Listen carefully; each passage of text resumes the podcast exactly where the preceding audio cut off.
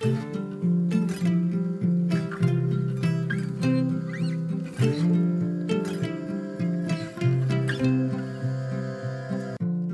och välkommen till For Health med Anna Sparre!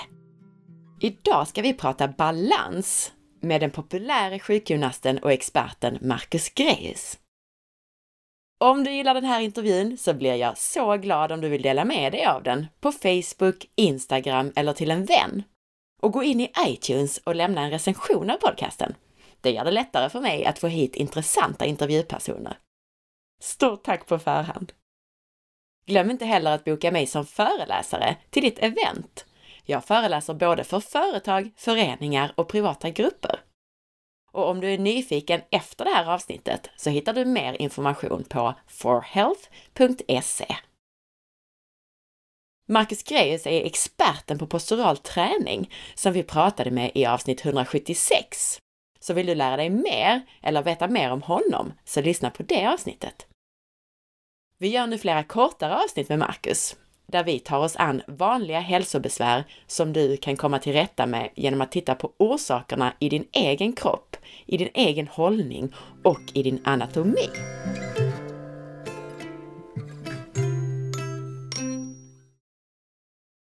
Hej Marcus! Hej! Idag tänkte jag att vi skulle prata lite om balans. Yes. Dålig balans är ju någonting som man ibland förknippar med åldrande till exempel. Men vad är dålig balans för någonting?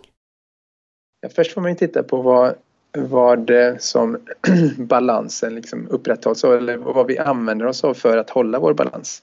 Och då är det så att vi dels har våra ögon vi ser och då ser vi vad som är horisontellt och vi håller oss balanserade genom att se var horisonten är någonstans och sen så har vi ju då också innerörat och då finns det organ i innerörat som ska hjälpa oss att känna av hur vilken position huvudet är i och hjälper oss därmed att hålla balansen då.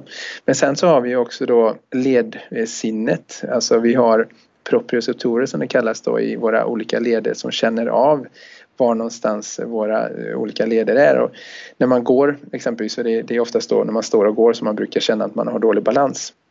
Då är det ju så att vi har eh, ledreceptorer nere i fotleden exempelvis och säg att man eh, när man då blir äldre, nu nämner det här med att man brukar få dålig balans när man blir äldre och så börjar man titta på vad är det som händer då i kroppen när man blir äldre rent muskel och skelettmässigt. Ja då ser man ju att man brukar börja tappa hållningen och när man börjar tappa hållningen då så innebär det kanske att fötterna börjar vrida sig utåt. Och när fötterna vrider sig utåt så kan inte de här ledreceptorerna fungera optimalt längre. Så att de känner inte riktigt hur, hur vi har det med fötterna. Och det kan då upplevas som att man har dålig balans. Men sen är det också att de, positionen på de andra lederna och det här var in, ingenting som jag kände till när jag började jobba som sjukgymnast då. Positionen på de andra lederna kan göra så att vi inte kan slå på de här djupast liggande musklerna som ska hjälpa oss att, eh, att hålla oss balanserade. Så att säg att vi är ute och går exempelvis och vi tycker att oj, oj, oj, jag är så ostadig på mina fötter att jag, jag behöver nog göra balansövningar, stå på en balansplatta och det, det har att göra då med att foten inte riktigt kan göra sitt jobb. Så är det bara halva sanningen alltså. Utan det, det som är grejen är att när man börjar bli äldre så brukar många börja sjunka ihop lite grann. De blir stela i nacken vilket påverkar nackens eh, balansreceptorer kan man säga då. Och sen just att man sjunker ihop i själva bröstryggen sig gör att man låser bäckenet. Och bäckenet är så otroligt viktigt vet vi ju nu för att där sitter de här djupast liggande hållningsmusklerna, höftböjarna bland annat som är så viktiga för att stötta upp så att benen kan fungera på rätt sätt då. Så att eh, när folk, eh, alltså kunder kommer till oss och säger att jag har så dålig balans och fått så dålig balans på sista tiden så går inte vi in och tränar dem med en balansplatta utan vi går in och gör övningar precis som vi gör med alla andra för att få alla de här inre musklerna att komma i, i fas igen och komma i form igen och att kroppen börjar räta upp sig så att när vi nu står och går på våra fötter så kan alla olika muskler som är involverade i att hålla oss upprätta i stående och i gående göra sitt jobb vilket gör att vi upplever att vi får en bättre balans helt enkelt. Men jag tänkte också på det här, när jag står på ett ben så tänker jag på att det känns som att muskler under foten också spelar in för min balans. Har jag rätt eller fel? Nej, absolut, absolut är det så, men, men det är ju det att man kan inte tänka så isolerat på det här med balans utan de musklerna måste samarbeta med underbenets muskler och med, med lårbenets muskler uppe i höften och hela den här kedjan och det är det man missar i vanliga fall när man, när man då tränar balansen. Och man, man har en tendens att isolera för mycket generellt sett. Och just att man inte heller då jobbar tillräckligt specifikt med de här djupast liggande posturala musklerna utan man jobbar mer med framlår och baklår och mage och rygg och sådär. Man vet inte heller om det här sambandet som jag nämnde innan att, att om bröstryggen har blivit krum så, så kan det leda till att man får dålig balans på grund av att det låser bäckenet och gör att inte de här hållningsmusklerna i bäckenet kan gör, stötta fötterna då. Så musklerna under fötterna måste stöttas uppifrån höfterna.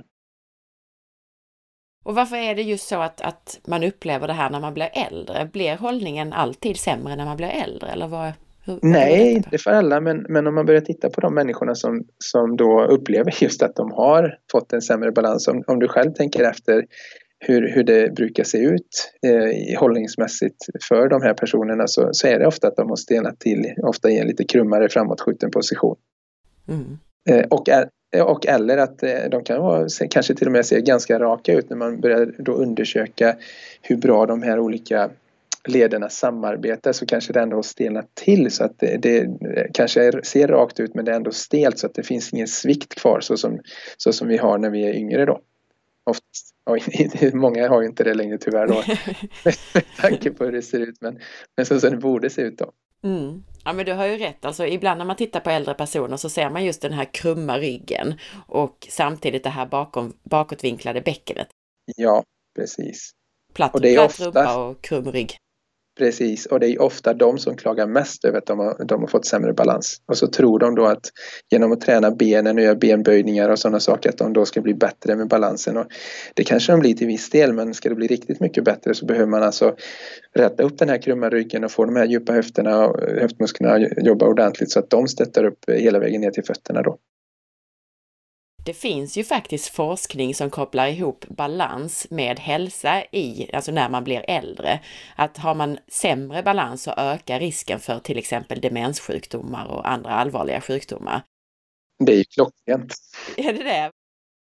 Har du någon bra förklaring på det här när vi tänker då på hållning och de djupa ja. musklerna?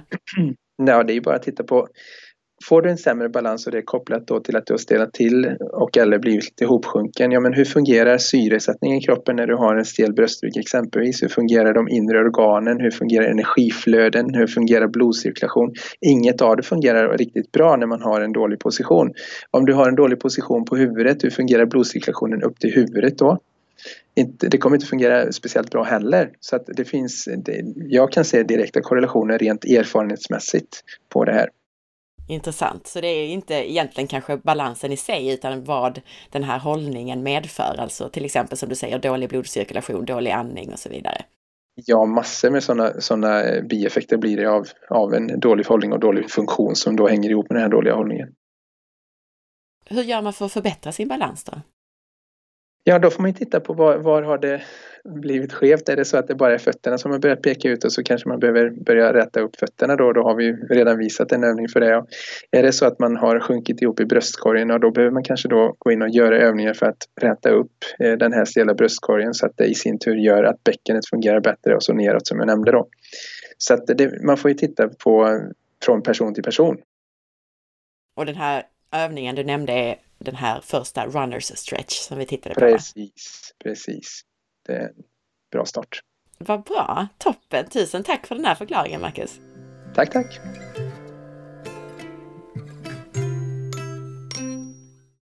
Tack för att du lyssnade! Jag hoppas att du gillade intervjun. Och om du gillade podcasten så glöm nu inte att dela med dig.